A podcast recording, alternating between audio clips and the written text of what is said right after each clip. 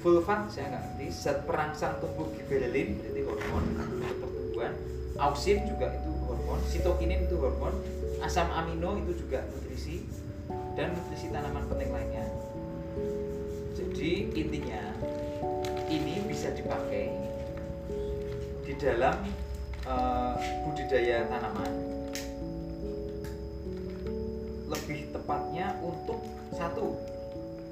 kalau kita bikin lubang tanam ini bisa dicampurkan atau ditaburkan atau disiramkan dikocorkan ya. Supaya apa? Satu bahan organik yang ada di dalam tanah semakin terurai Hmm. yang kedua bisa mengantisipasi kalau ada serangan jamur. Jamur patogen ya jamur yang menyebabkan penyakit terutama busuk akar yang ketiga dia juga bisa mempercepat pertumbuhan akar dan pertumbuhan tanaman juga. Untuk penggunaannya ini ada komoditas tanaman sayuran dan tanaman buah. Ini ada dua macam. Untuk yang tanaman buah dosisnya adalah ada dua macam. Kalau umurnya kurang dari satu tahun itu cukup 10 gram per tanaman. Setiap satu bulan sekali. Tapi kalau umurnya sudah lebih dari satu tahun dosisnya ditambah menjadi 25 gram per tanaman. Dua bulan sekali. Caranya bagaimana? Dicampur pada dengan air lalu disiramkan atau ditabur dan dibenamkan pada daerah perakaran bisa juga kita gunakan pada saat membuat lubang tanam. Jadi pada saat kita bikin lubang tanam ini dicampur air lalu dikocorkan tadi dosisnya kira-kira untuk satu tanaman sekitar 10 gram dicampurkan dengan air. 10 gram ya nanti bisa di- ditimbang. Nah saya minta untuk yang teman-teman yang nanti akan menanam di sana kan nanti bikin lubang dulu. Hmm. setelah bikin lubang dicampur dengan media medianya apa saja? Satu bahan penggembur bisa menggunakan pasir ladu pasir bangunan eh, arang sekam atau kokopit yang kedua campurannya adalah pupuk organik. Pupuk organiknya bisa menggunakan Vokasi. Apa yang itu aja? bisa menggunakan vokasi yang di sana saja. Nah, setelah itu dicampur juga jangan lupa dengan pupuk apa kapur dolomit. Kapur dolomitnya di sana ya? Siap.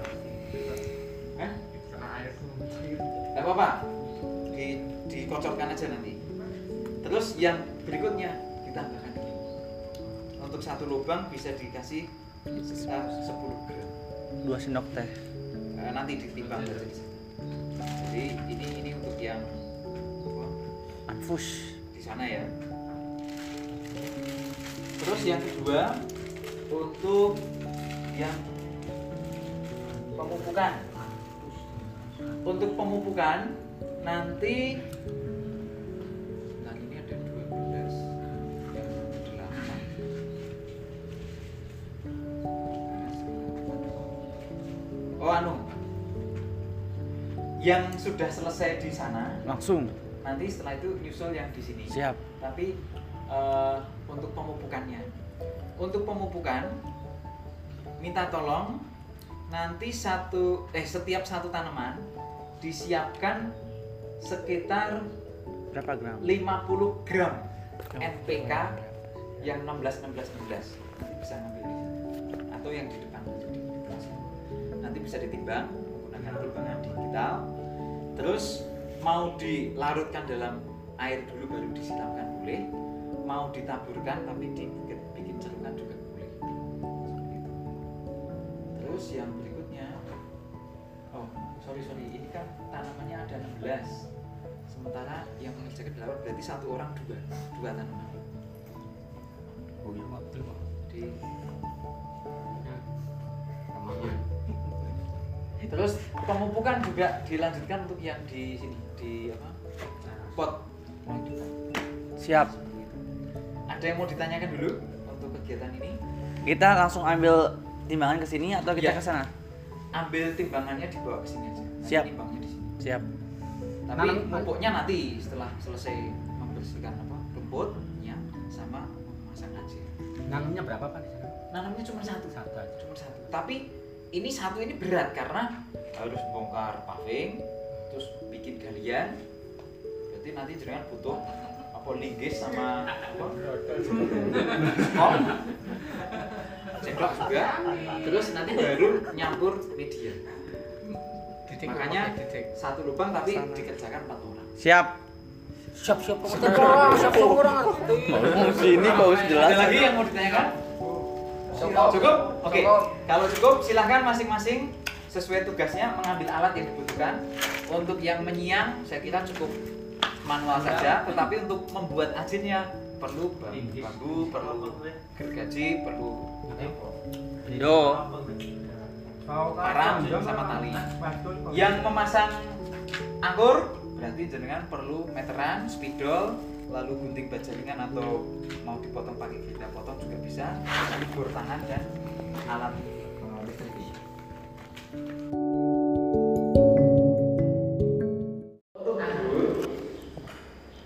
Kalau kita mau semprot, berarti lewat daun ya pemberiannya ya, itu menggunakannya setiap satu liter air pupuknya 2 sampai 4 gram. 2 sampai 4 gram. Berarti ini sekitar 2 2000 ppm atau 0,2 persen larutkan MKP Pak Tani dengan takaran oh ini malah anu, ada panduannya 3 sampai 6 sendok makan per tangki semprot ini asumsinya mungkin tangki yang ukuran 14 liter Siap. atau 0,4 sampai 0,8 kg dalam 200 liter. Kalau mau dikocor, kocor ya, itu mengkombinasikan dua pupuk MKP sama ini PN Drill. PN Drill ini yang air juga putih. Kalau mau dikocor, ya, gunakan MKP-nya ini 3 sampai 5 gram per liter. Ininya juga sama, 3 sampai 5 gram per liter. Terus dilarutkan dalam 10 liter air, dikocorkan untuk 50 tanaman.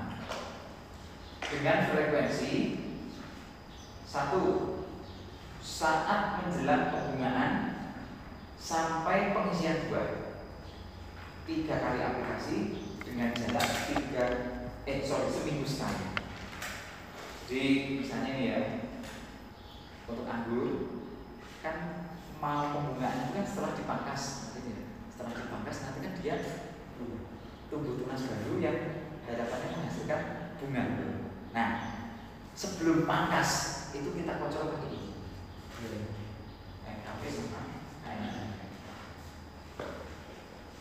Terus setiap seminggu sekali kocok. Seminggu sekali kocok. Termasuk selama dia pengisian buah itu kita kocok pakai ini. Dosisnya lebih sedikit, ya 3 sampai 5 gram per liter air. Kalau 5 gram itu perkiraannya satu sendok Teh. itu 5 gram. Siap. Oke, itu yang MKP. Sekarang yang KM putih, karena ada juga KM tiga merah. KM tiga putih ini kandungannya kan K sama N. K-nya dalam bentuk K2O, N-nya dalam bentuk NO3. K-nya 45%, N-nya 13%. KM Terus dosisnya ya untuk tanaman padi 25 kg per hektar, cabai 100 sampai 150 kg per hektar, bawang merah 150 kg per hektar, tomat, semangka, melon, jeruk, mangga. Mungkin yang paling dekat sama anggur itu adalah jeruk. Oh atau melon. 175 kg cara mengaplikasikannya dikocor jadi dilahirkan dalam air terus disiramkan ya dengan konsentrasi 2 sampai 5 gram per liter air. Kalau 5 gram tadi Satu sendok teh. untuk satu itu yang dosis maksimalnya. Keunggulannya keunggulan KNO3 ini kan dia kom- kombinasi antara K dengan N Hmm. N-nya dalam bentuk NO3 nitrat. Nah, nitrat itu lebih cepat diserap oleh tanaman. Yang kedua, K-nya dalam bentuk K2O, bukan KCl, sehingga dia tidak mengandung klor, Cl. Kalau tidak mengandung klor, berarti dia aman untuk tanaman yang sensitif dengan klor. Ya contohnya anggur itu. Anggur itu sensitif dengan Cl, klor. Sehingga kalau dikasih K dalam bentuk KCl kurang cocok, tidak pas. Mending menggunakan K yang bentuknya K2. Lalu yang berikutnya mengandung unsur kalium yang tinggi, kan? Kaliumnya 45% tadi tinggi kan, sehingga mampu mencegah kerontokan bunga dan buah. Tadi ingat ya, fungsinya kalium itu memperkokoh jaringan biar nggak mudah rontok. Rontok. Ini bisa untuk mencegah kerontokan bunga maupun buah. Nah, yang terakhir meningkatkan hasil panen tanaman dan buah-buahan. E, kalau menurut saya ini juga bisa meningkatkan kemanisan buah. Karena kemanisan itu salah satunya dipengaruhi oleh kalium. Jadi kalium itu juga bisa meningkatkan kadar gula kemanisan. Jadi kalau misalnya tadi eh, kemarin ya menjelang panen satu minggu ya sebelum kita stop pemberian air penyiraman penyiraman terakhir campuri dengan air untuk meningkatkan kemanisan. Oke, itu berarti yang ini cocoknya diberikannya kapan? Terus pembungaan dan Ya, pembuahan. saat pembungaan dan pembuahan. Sedangkan pada saat fase vegetatif kita pakainya NPK 16 Ada juga yang menggunakan ini campuran NPK 15 15 masih ditambah urea atau silta untuk meningkatkan N-nya. Ada juga. Kalau mau juga bisa menggunakan ini pupuk daun, pupuk yang disemprotkan itu. Tapi yang e, untuk fase vegetatif ada yang pernah menggunakan gandasil, Dah. gromor. Nah, apa itu gromor? Gromor. Ya. Gandasil itu contoh pupuk daun, pupuk yang diberikannya lewat daun. Jadi biasanya dia dilarutkan dulu dalam air, terus nanti disemprotkan ke daun. Nah, gandasil, gromor, terus nanti mungkin ada merek-merek yang lain lagi. Biasanya itu dia ada beberapa jenis. Misalnya kalau untuk gandasil, kita nanti akan ketemu dengan gandasil merah sama gandasil hijau. Atau istilahnya kalau yang merah itu gandasil B, singkatan dari buah. Kalau yang hijau itu namanya gandasil D, daun.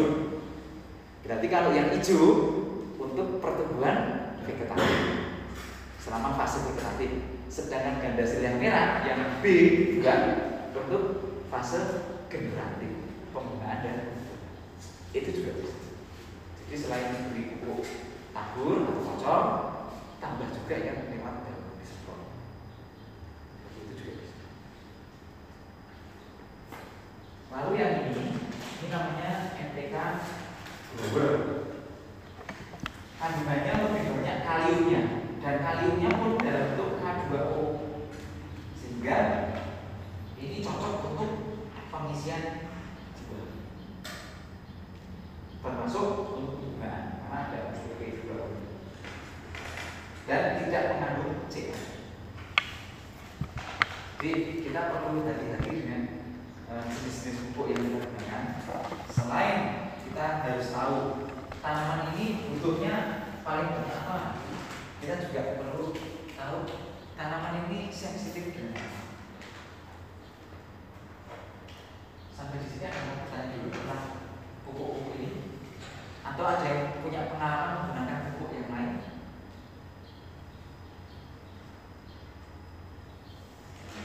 Nah kalau nggak ada saya mau nambahin lagi. Kalau ada yang tertarik mencoba mengaplikasikan pupuk organik kan gini ya? Iya. Organik. Kita juga bisa memainkan tadi NP dan K.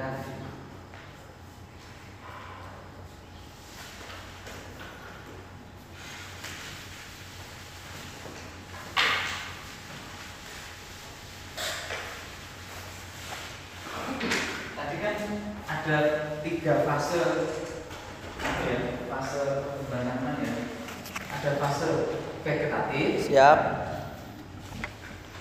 Neratif primordial. primordial sama Jen. vegetatif yang vegetatif yang paling banyak dibutuhkan adalah N N. yang primordial yang paling banyak P. generatif yang paling banyak berarti kalau kita mau ngasih pupuk ke tanaman pada fase ini kita cari pupuk yang kandungan N nya tinggi nah kalau kita bicaranya organik berarti kita juga harus memberikan pupuk organik yang N nya tinggi masuk ya Siap. Oh, ya. pupuk organik yang N nya tinggi itu contohnya ya V. Urin. Urin. yang difermentasi urin itu masih bahan urin kalau urin difermentasi dia bisa menjadi pupuk nah itu yang siap untuk diberikan ke yang kedua adalah air leri itu kandungan N-nya Dari apa pak? air itu susah beras kalau kita Tajik. masak nasi atau masak nasi kan berasnya dicuci dulu. Nah air cucian beras itu bisa digunakan untuk pupuk dengan kandungan N urin ini urin bisa apa saja ya? Urin sapi urin kambing urin kelinci Hmm. urin kebo Urin manusia nggak bisa. urin manusia pun bisa. Itu kandungan N nya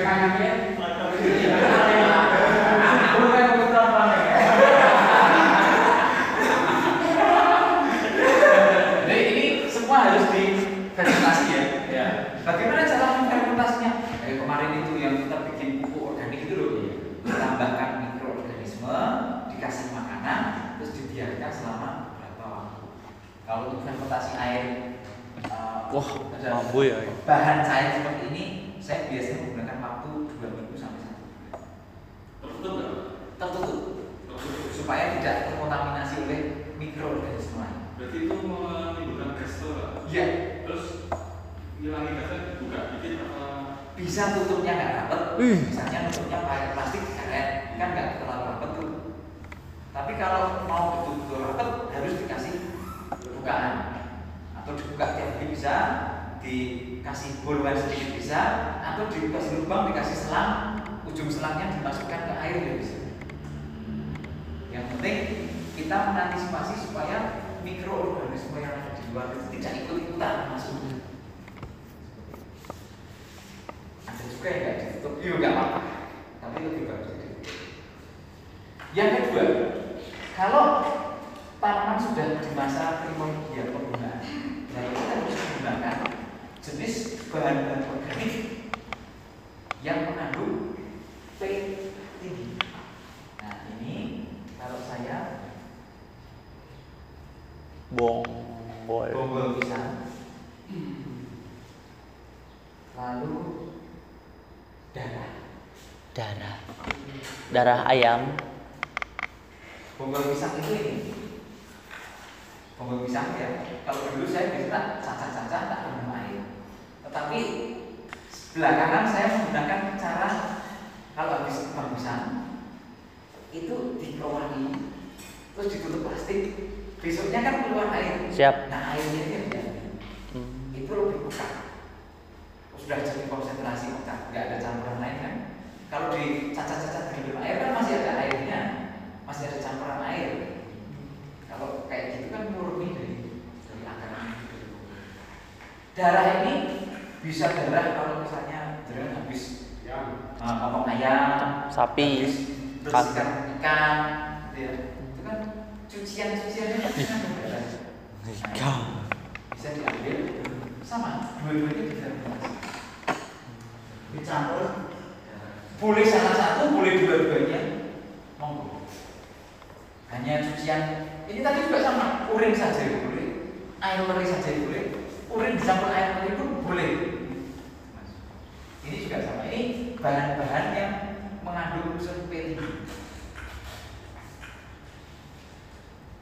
Nah, kalau yang kaliumnya tinggi itu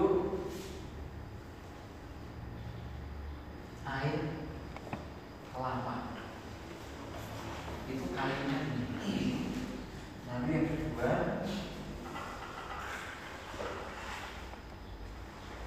kulit atau buah pisang itu kalinya tinggi namun go masing-masing boleh sendiri-sendiri atau dua-duanya dicampur juga boleh. Air kelapa tidak harus yang muda. Yang tua pun juga bisa. Nah kalau mau hemat gampang. Jenengan tinggal bawa jerigen ke pasar terus cari tukang parut kelapa. Terus minta airnya ditampung masukkan ke sini ya kan kan cuma dibuang-buang demikian juga dengan air mani kalau jenengan banyak ya bawa saja jerigen terus datang ke rumah makan warung makan. Nitip jerigen kalau mau sushi tolong masukkan sini. Nah nanti seminggu kemudian jenengan makan di situ sambil ngambil gitu. ini semua kalau jenengan fermentasi dengan bisa mendapatkan pupuk organik dengan kandungan NPK kandungan P tinggi kandungan K kalau mau digabung menjadi pupuk NPK yang kekal bisa. Ini campur ini campur ini. Tinggal mau dibanyakin apanya? Mau ditinggikannya? Berarti dosisnya ini. Waktunya mundur kalau P nya mau dibanyakin ya ini nanti kalau mau dibanyakin kanya kanya Siap. Berapa hari fermentasinya? Dua minggu sampai empat minggu setengah bulan selesai. Nah itu kan darah kalau didiami dari beku. Eh, darah ini maksudnya bukan darah darah dari Merah. cucian Oh, cucian apa ya ya ikan. ikan Limbah ikan ya, limbah. daging Ya. kalau kita masak itu kan dicuci kan kayak ikan kan dibedati nah itu kan cucian itu jangan dibuang bisa ditampung untuk pupuk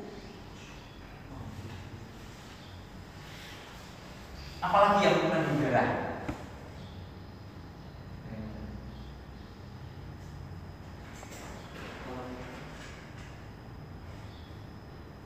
Kelinci. ya ini cuciannya di tempat pemotongan hewan itu banyak Iya, siap. Pak, fermentasinya dikasih ke M4 itu Pak. Ya, bisa menggunakan empat boleh, menggunakan mikroorganisme kita buatan kita sendiri juga boleh. Yang kemarin dulu ya saya cerita dari akar bambu, akar kacang-kacangan, Siap. dari yakul, Siap. baru. Nah itu bisa. Ragi, Kalau mau beli rumen sapi itu beli atau minta ya, Pak?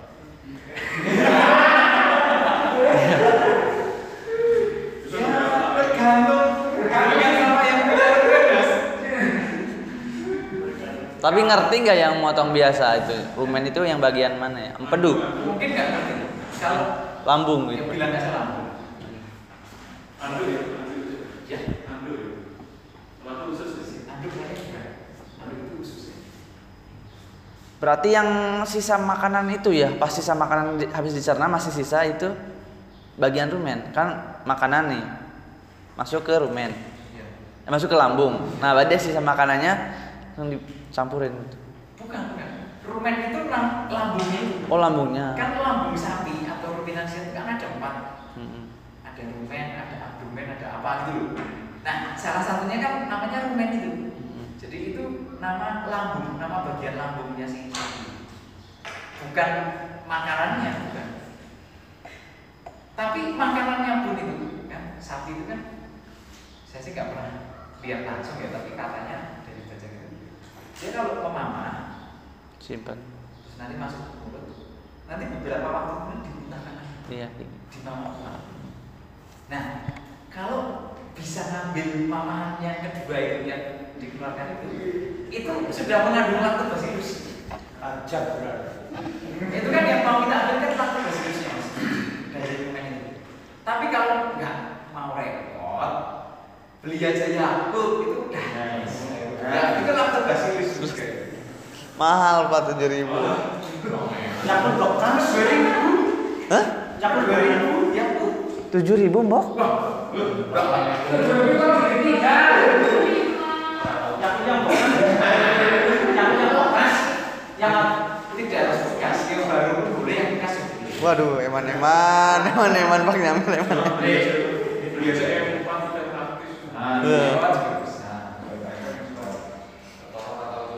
Kalau nggak mau modal ya minta aja. Nah, ada lari Tapi resikonya ya bisa jadi dikasih, bisa jadi enggak. Ya, itu. Ya semuanya juga harus ada usaha. Biasanya Pak disuruh nyari sendiri, nyari sendiri kan itu bagian jeroan kan ya? Atau nggak nggak dipakai buat dijual? Kurang tahu juga. Sekarang itu apa-apa itu dijual kan? Dijual mas? Ya ada juga yang gratis. Tapi kan sekali-kali setiap hari ya. Mumpung, mumpung mumpung ya bang. Nah, ada juga pupuk organik yang kandungannya sudah lengkap. Contohnya ya kohe, pupuk sayuran, Kohe. pupuk apa kandang itu. Itu itu udah lengkap. Terus em, susu itu juga lengkap. Terus kambing. Ya, susu apa saja. Mahal di. Satu berapa ribu. Telur. Kalau cangkang telur itu berapa?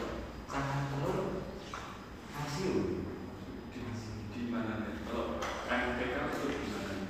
Kalsium ya bukan N bukan B bukan itu kan Ca. Kalau ini kan kalium ya. Ada lagi K.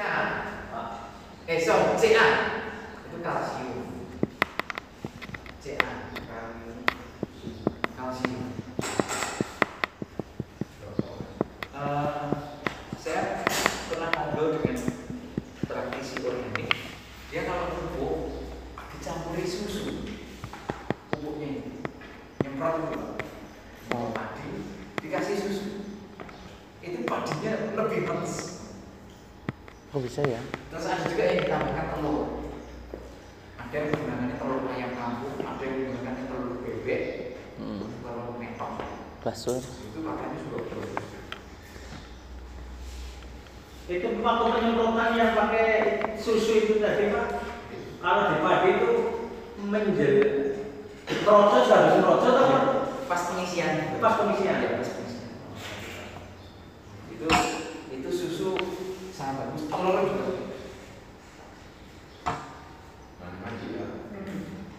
tapi nggak banyak apa hasilnya itu paling cuma segelas telur juga paling cuma satu butir satu lagi iya bayangkan susu segelas harga berapa lima ribu ya Lima ribu. Nah, tapi kalau bobot padinya nambah katakanlah satu kintal lumayan kan iya enggak hanya modal lima ribu tapi nambahnya satu kintal Siap.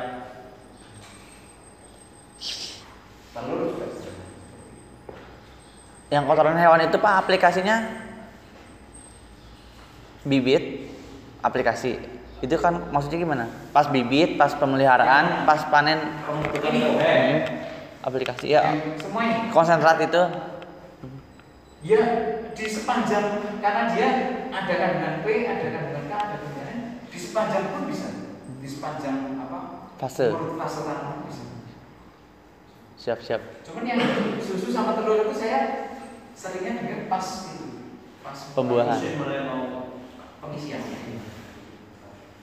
nah cara pemberiannya ya tadi bisa disemprotkan bisa dikocorkan termasuk kue Siap bisa dikocorkan caranya digiling bukan?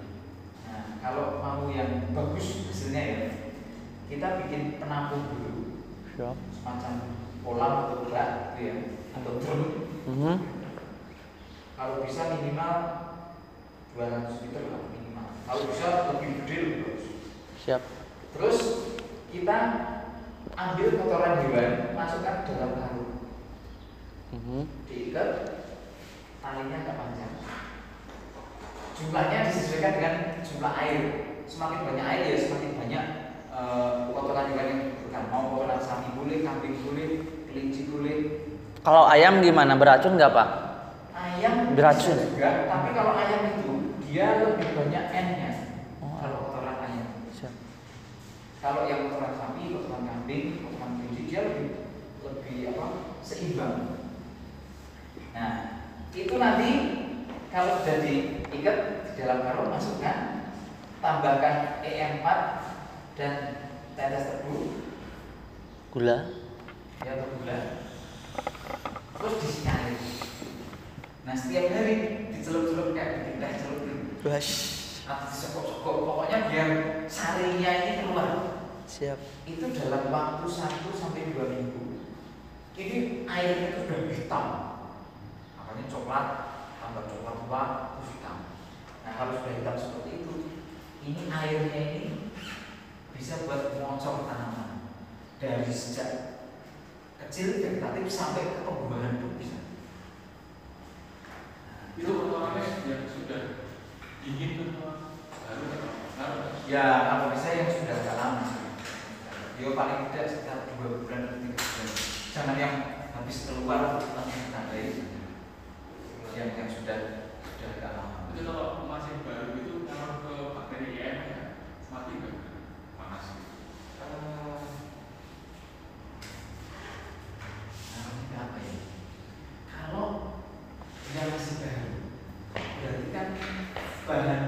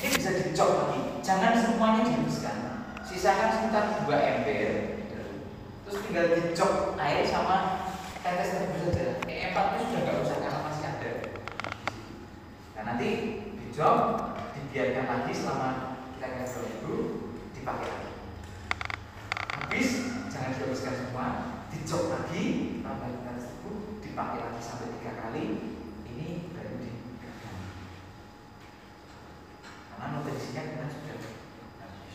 Itu ditutup Pak ya? Eh, ditutup lebih baik misalnya pakai drum itu lebih bagus atau misalnya pakai kolam atau bak yang tanah ditutupi plastik juga bisa supaya tidak ada hewan lain yang masuk tapi semisal semisal nggak ditutup pun aman ya tidak apa saya dulu waktu pelatihan untuk calon instruktur di Cianjur ini diterapkan untuk melon penggunaan pupuk kandang yang dilarutkan dalam air itu menggunakan difermentasi dengan DM4 untuk mengocok melon itu bisa meningkatkan kemanisan buah. Selain pertumbuhan awalnya juga lebih bagus, lebih subur. Jadi dalam pertumbuhan awal pertumbuhan. Terus waktu beberapa kali kami pelatihan budidaya sayuran organik, terutama untuk sayuran daun, tidak pakai kimia sama sekali, hanya dikocor kayak gini Siap. dua kali Siap, siap. itu bisa sawi itu gede-gede Wow. Tahu yang tinggi-tinggi pokoknya ukurannya bisa Super ya, Pak. tidak pakai kimia sama sekali. Hanya dikocor ini. Hanya dikocor bisa. Cabai banyak yang sudah menggunakan kocoran oh air. Oh satu lagi.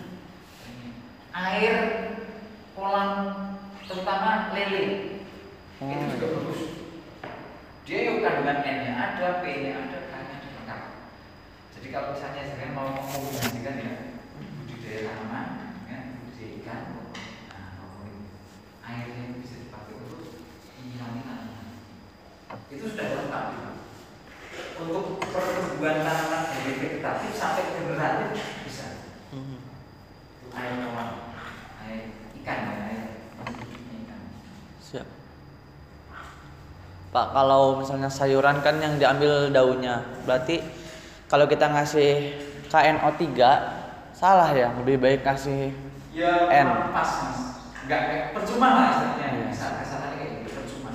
Karena KNO3 tomat ya. meskipun di situ ada nitrogennya untuk pembentukan daun, tapi kalinya menjadi kurang begitu berarti kan untuk daun. Ya kita hanya boros di biaya kan. Siap. Ada lagi yang mau ditanyakan? Banyak ya. Tadi diterangkan 200 liter untuk membuat ini.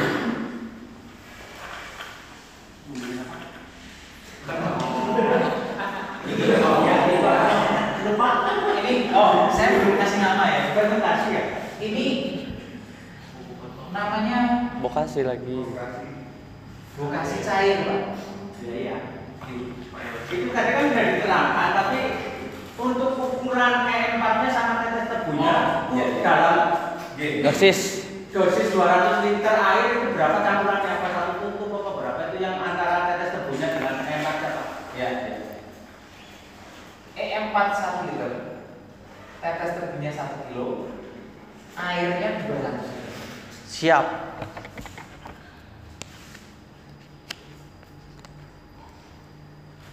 Kalau yang menyebabkan kekurangan atau kelebihan dosis itu efeknya ke jumlah mikroba atau di lapangan hasilnya berbeda dari yang diharapkan, Pak.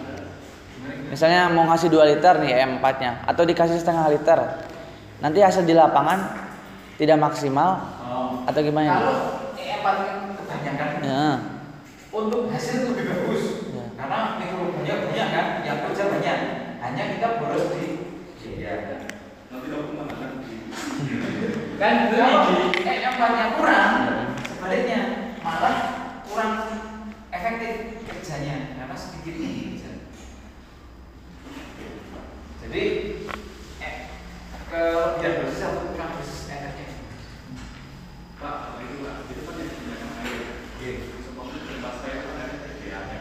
Itu kita nggak tahu bahwa itu kan ada Ah. Iya, iya, iya. Iya. Itu kalau perlakuannya itu sebelum dibuat itu air itu ditampung dulu. Apakah kapur itu bisa mengendap di bawah nanti diambil di atas? Apa tetap Bisa, bisa enggak? Bisa enggak? Jadi kaporit itu dia kan Putih. mengikat anu ya, Kotoran. kotoran-kotoran yang terlarut itu jadi gumpalan terus mengendap. Sebenarnya itu sudah sudah endapan itu sudah dilakukan di PDAM-nya. Cuman ya kita nggak tahu kan berapa jumlah kapur yang diberikan sehingga sebagian mungkin Tapi dia juga bisa mengendap. Cuma endapnya berapa lama itu yang kita nggak. Dan ngeceknya ini sudah aman waktu itu juga saya nggak ngerti. Ya gimana itu? Sampai tadi itu. Ya umur TDS, TDS meter, TDS meter bisa juga sih. TDS itu kan untuk mengetahui berapa bahan yang terlarut di dalam larutan itu ya. Walaupun kita nggak tahu yang terlarut itu apa, apakah itu kaporit atau mineral yang lain. Ya kalau bahan yang terlalu terlalu tinggi memang kita selalu juga sih, kayak misalnya di atas 500 itu kita sudah cukup. Kalau di bawah 200 masih aman. Air sumur kita ini Hmm. termasuk bagus di bawah 100 jadi mineralnya itu sedikit Ya. tapi tidak setiap daerah sama ada yang kandungan air tanahnya itu mineralnya terlalu tinggi tapi bukan favorit tuh ya air tanah itu mineralnya bisa tinggi nah, waktu kita ngecek yang yang tidak air itu kita nggak tahu yang larut itu misalnya tinggi ya BPM-nya ya apakah dia favorit atau mineral yang lain itu ya kita nggak tahu ada lagi yang lain Oke, paham? Untuk susu dan telur bisa digunakan garakan sebagai penyubur.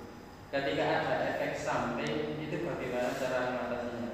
Karena dulu saya juga pernah menggunakan susu dan telur Oh, iya. untuk penyemprotan. Ya, terus ternyata di situ lalat jarum sebenarnya itu malah tahan di situ. betul betul betul malah Itu semuanya solusinya gimana? Ya. bisa dicampurkan dengan pestisida Pestisida. tapi pestisidanya yang organik karena kita kan memang pakai ini karena kita pakai organik kan Siap. berarti menggunakannya pestisida organik Em, kalau yang menyerang itu adalah lawan buah sama Orang yang Orang orang jadi jadi yang kalau saya bisa dicampuri dengan air tembakau lalu Air tembakau, air eh, asap cair, serai serai. serai tambah air ekstrak atau salingnya daun minggu nah, nanti kita Nanti, Pak, ya, siap. siapa tahu kita tanya Pak Amin aja. Siap. nanti bisa dipakai itu nanti bisa untuk mengatasi hama yang tadi datang yang menyukai. Itu kan semuanya serangga kan lalat itu kan serangga jadi kita mainnya nanti di bahan-bahan pestisida yang mengandung sifat insektisida yang sebagai insektisida Hmm. Hmm. Kalau itu ada ini kan takarannya satu liter ini buat berapa liter air ya gitu apa? yang bukan cair bukan secair ya apa langsung diaplikasikan aja kita ngambil langsung kalau yang 200 liter bisa langsung karena ini sudah Iya. Siap. tapi kalau jenengan bikinnya yang pekat misalnya 50 liter dulu ya. Hmm. berarti kan jenengan bikinnya larutan pekat. Nanti harus diecerkan tambahin ya. Siap. kalau ini bisa langsung langsung karena sudah terkondisi ecer hanya wadahnya harus gede. Karena 200 liter. Ada lagi yang lain? Kalau kalau terpokat diaplikasikan efek sampingnya selain terus overdosis. Eh, kalau untuk yang ini sih enggak kalau overdosis yang biasanya overdosis yang ini. Ini, ini, ini, urin urin itu yang kalau overdosis bisa bisa membuat tanaman lain mati kalau yang lainnya sih masih masih aman. Berarti urin kelinci berarti ya oh urin kelinci ampuh banget berarti itu ya keras pak keras jangan jangan langsung disiramkan oh teman saya nyuntak urin kelinci ke tanaman apa waktu itu ya? pisang apa Ah, tanaman buah apa gitu loh Mati. Besoknya laju kan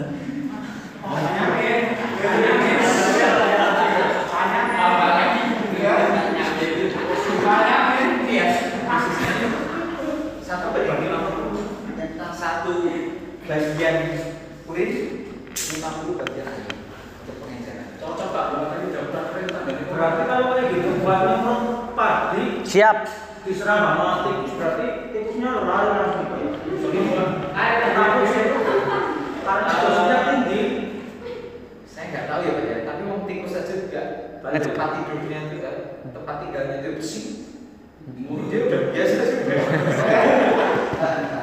itu kan lemari yang udah ditinggalin tikus ya belum Iya. dia tahan ya. Iya. Tapi nggak ngaruh Pakai masker tikusnya. bukan dengan tapi kalau virus nah ini saya juga belum logika tapi saya punya teman praktisi organik di Kopeng Pak Pak Amin. Kenapa? dia dia punya uh, kursus pertanian di Kopeng Mas. Siap. Topeng pariwisatanya atau Eh, naik ke tower ke menara apa ya? Menara ya intinya gini. PLN. ada tanaman cabai. Tanaman cabainya itu kena beli oh ya kuning daunnya itu ya sama keriting karena banyak eh, kutunya. Kutu kan ada keriting. Nah itu sama dia pakainya urin kelinci yang difermentasi itu ya. Atau urin sapi juga bisa difermentasi. Terus diencerkan tapi pengencerannya bukan 150 kalau nggak salah itu 120 jadi agak pekat kan semprotkan daunnya pada gugur kan daunnya pada gugur tapi terus rebus lagi nah yang rebus ini sudah sehat virus gemi apa virus kuning itu kan nggak ada obatnya Jadi, namanya virus itu tidak ada obatnya seperti kita kena virus Corona. influenza. Flu itu kan virus yang termasuk corona. Itu sebenarnya tidak ada obat untuk virus. Kita mesti dikasihnya hanya obat untuk menurunkan demamnya. Kebal. menurunkan meler apa menghilangin melernya menghilangkan sakit kepalanya sama vitamin. Selanjutnya disuruh banyak minum air putih banyak makan banyak tidur. Wow. jadi obatnya itu hanya untuk menurunkan gejala menurunkan gejala Siap. Selebihnya daya tahan kita yang diberikan. Itu kalau untuk virus. Jadi tidak ada virusida, insektisida ada, fungisida ada, bakterisida ada, tapi tidak ada virusida. Jadi apa yang bisa kita lakukan untuk tanaman yang terkena virus? Potong. Ditingkatkan imun imun. Bukan menular apa nanti virusnya. Ya memang virus itu bisa menular, makanya ya itu termasuk apa me, mengisolasi tanaman yang terkena serangan. Atau kalau memang sudah parah nggak bisa dipulihkan ya dicabut, bukan hanya dibuang, dibakar atau ditimbun supaya tidak menular.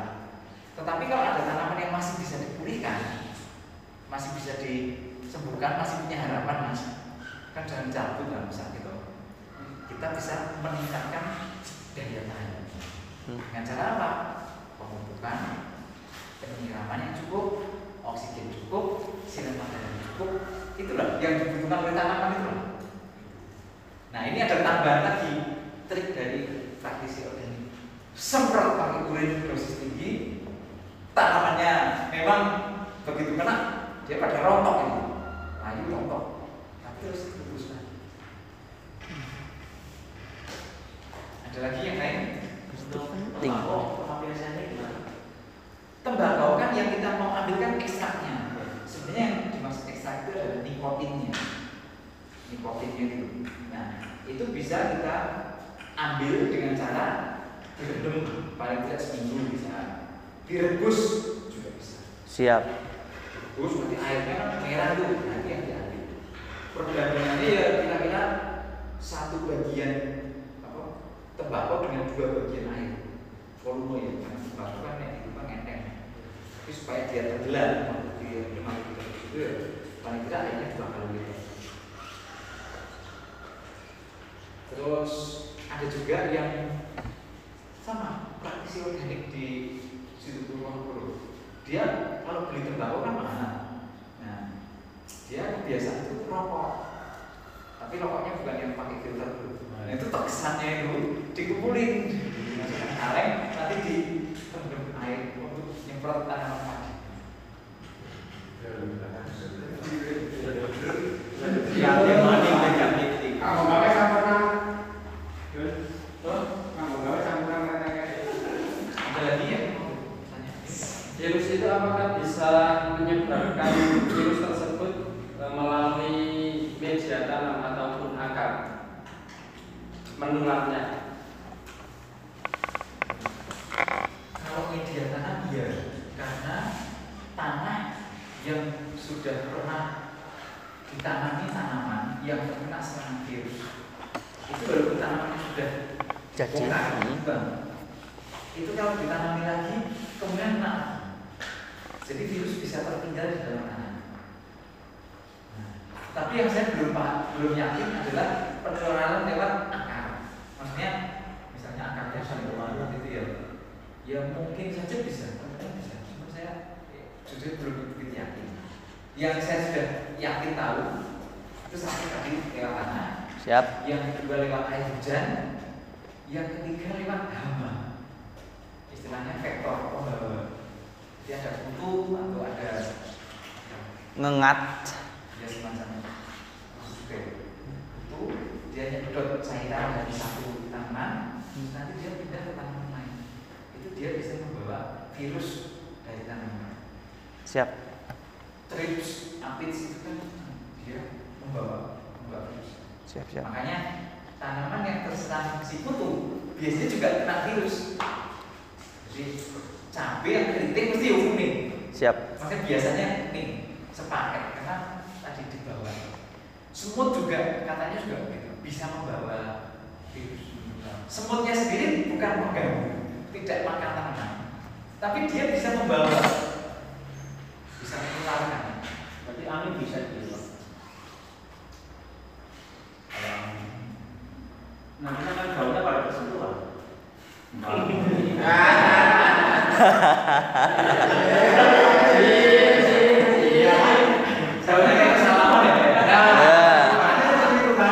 Jaga jarak. Nah, misalnya yang ini saya belum bisa memastikan Siap. karena kontak kontak daun itu belum sampai kepada apa eh, perpindahan ke dalam jaringan maksudnya begini kalau kita manusia ya kita di masa covid kayak gini virus itu kan bisa mas menular karena dia masuk ke tubuh kita ya Pak. Siap. Contohnya, misalnya ini contohnya ya, Mas Didik membawa virus. misalnya, misalnya membawa. Terus besar-besar hidup. Terus setelah itu silakan salaman dengan saya. Ya. Setelah salaman kan ke sini. Nempel. Ya. Di sini tuh sebenarnya nggak apa-apa kalau hanya di sini. Oh, gitu. Itu saya ngambil makanan. Masuk ke mulut. Nah, Lah. itulah Masuk. masuknya virus. Oh iya. Kalau hanya kontak ini masih nggak apa-apa. Dicuci habis ya, Tapi Pak. begitu kontak terus. Nah, ini maksudnya gitu. Tapi kalau udara, misalnya ngobrol dekat, Huh, mak, ketelan. berat, nah, ada bencana terhidup. Nah, ini kan masuk. Iya, masuk. Itu juga bisa menular. Nah, kalau tanaman tadi hanya bersentuhan ini, kayaknya kok belum belum sampai virusnya masuk ya. Tapi kalau misalnya terus daunnya gesekan, sehingga ada bagian yang terluka. Siap. Dan di luka itu virusnya nempel masuk bisa. Kalau yang ditularkan lewat air, misalnya air hujan, air hujan kan bisa masuk. Seperti kalau kita minum air, air kotor kan, kotor kan bisa masuk. Lalu tadi hewan, contohnya kutu, trips apis itu kan, dia kan selain membawa, dia nanti waktu nempel di tanaman yang lain kan menusuk dia. Nah waktu dia menusuk, itu dia sudah memasukkan virus itu. Jadi untuk yang senggolan tadi, Belum. saya belum yakin apa betul-betul bisa menularkan atau enggak. Saya belum. Siap. Ya udah. Ada lagi? Amin. Amin. Untuk suatu tanaman kalau virus itu tidak bisa atau mungkin bisa menyebar lewat eh, akar, saya itu pernah berpengalaman untuk tanaman cabai. Ketika eh, kena virus, dia itu dicabut, sekelilingnya itu kok pasti terkena. Tapi kalau yang dicabut kok nggak apa Apakah itu memang penularan lewat akar atau mungkin ada penyakit yang lain, Pak? Dicabut. Ketika dicabut, sekelilingnya itu pasti ikut semua. Tapi kalau dibiarkan begitu saja itu nggak apa-apa. Ya, ini kan menganalisa, kita menganalisa. Harus menurut pengalaman lagi Pak jawabannya Pak. Eh, Ini hanya dugaan ya mas, dugaan saja, belum tentu benar. Kalau virus itu uh, dia memang bisa dibawa oleh apa ya, udara, kayak semacam tepung. Siap. Kalau jamur, ya itu bisa spora itu bisa terbang nempel dia tumbuh nular itu saya nggak pakai itu kan penyebabnya sendiri tapi kalau yang virus kuning saat dia itu kalau betul dia itu bisa menular lewat udara berarti memang ada kemungkinan saat dicabut caranya gogrok gitu, terbang terus nempel tapi kalau nggak dicabut ya mungkin ya eh, karena tanamannya itu mandan diem lah ya itu ya mungkin dia kayak bis nengkong biasanya sih. itu kemungkinan pertama kemungkinan kedua kalau kita cabut akar itu Hmm. sebenarnya penularan lewat akar itu bukan hanya pada saat dicabut loh ya waktu tanaman tumbuh saja itu kan akarnya itu bisa saja sudah bersentuhan kan tapi nyatanya kan enggak tapi setelah dicabut malah iya nah itu saya bukan curiga dengan akar tetapi curiga dengan apa yang dengan lakukan dengan tanaman yang sudah dicabut kalau yang benar maksudnya yang benar itu setelah dicabut dibakar atau dikubur Hmm. bukan tidak boleh dicabut ditinggalkan di situ kebenaran itu nggak boleh karena itu memang bisa menular terus apa yang terjadi dengan lubang Bekas. bekas ya bekas itu apakah lubangnya ini Timbun. diamankan atau disterilkan atau dibiarkan terbuka. Contoh misalnya kalau misalnya dibiarkan terbuka, andai kata betul bahwa sebagian tanah di situ itu sudah ada virusnya, terus tanah tadi itu kesiram air, terus airnya itu diserap oleh tanaman di sekelilingnya, berarti memang virusnya itu bisa menyebar. Nah, itu hanya dugaan saya, tetapi mungkin dengan bisa mengingatkan kembali apa yang kemarin terjadi, terus kemungkinan-kemungkinannya apa dikaitkan dengan bagaimana virus itu bisa menyebar. Ya setahu saya sih itu tadi virus itu bisa menyebar lewat satu vektor hewan yang pindah-pindah Hmm. itu saja. Yang kedua lewat air hujan. Yang ketiga tanah yang ada di bekas penanaman itu juga bisa meninggalkan virus. Kalau sentuhan tanaman dengan tanaman, saya belum tahu. Bisa iya, bisa enggak, tapi saya belum tahu. Itu hanya logika saja saya. Kalau kita jabatan, nah, memang ada kemungkinan virus masuk halo, terus. Ya mungkin belum kemarin, tapi ya monggo dengan Ada lagi yang lain? Tambahan mungkin saya terakhir Pak. Kalau saya mau jadi petani organik nih, selain budidaya anggur, perlu ya mungkin ya daripada melihara sapi atau kambing yang mending melihara kelinci buat diambil urinnya. Kan bawahnya dikasih kolam ya biar jatuh kotorannya ke sana terus diambil kalau kelinci. Kelinci loh Pak. Kalau mau jadi petani organik, organik, atau butuh bahan-bahan organik kan di sampingnya. Iya. daripada melihara sapi atau kambing yang pakannya besar Oke. mending melihara kelinci untuk kebutuhan urin. Terus diambil urinnya kan dikasih kolam di bawah kandang kelinci kan biar nanti kencingnya ke kolam. Apa- kayak kandang ayam dikasih kolam gitu loh kelinci. Si, di bawahnya ada. Di atas kolam. Iya. Supaya kelincinya kencingnya di kencingnya nyerap ke kolam gitu panetos kan? Kalau ada reng-reng kecil apa reng- reng-reng kecil masa kelinci kencingnya berdiri? Kencingnya kan langsung jatuh ke bawah mungkin atau gimana? Dikasih kolam aja di bawahnya kan nanti kan airnya terangkat kalau sisanya airnya? Terangkat kotornya di bawah Masuk fermentasi itu Maksudnya nanti fermentasi pak. Oh, jadi air kencing apa air urin kelinci langsung masuk ke kolam.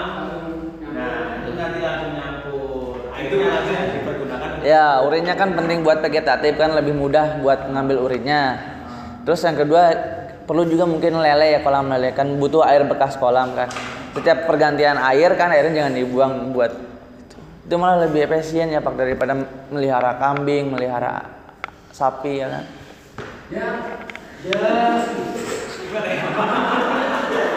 Pertanyaannya Mas Dwi Mas sulit-sulit ini.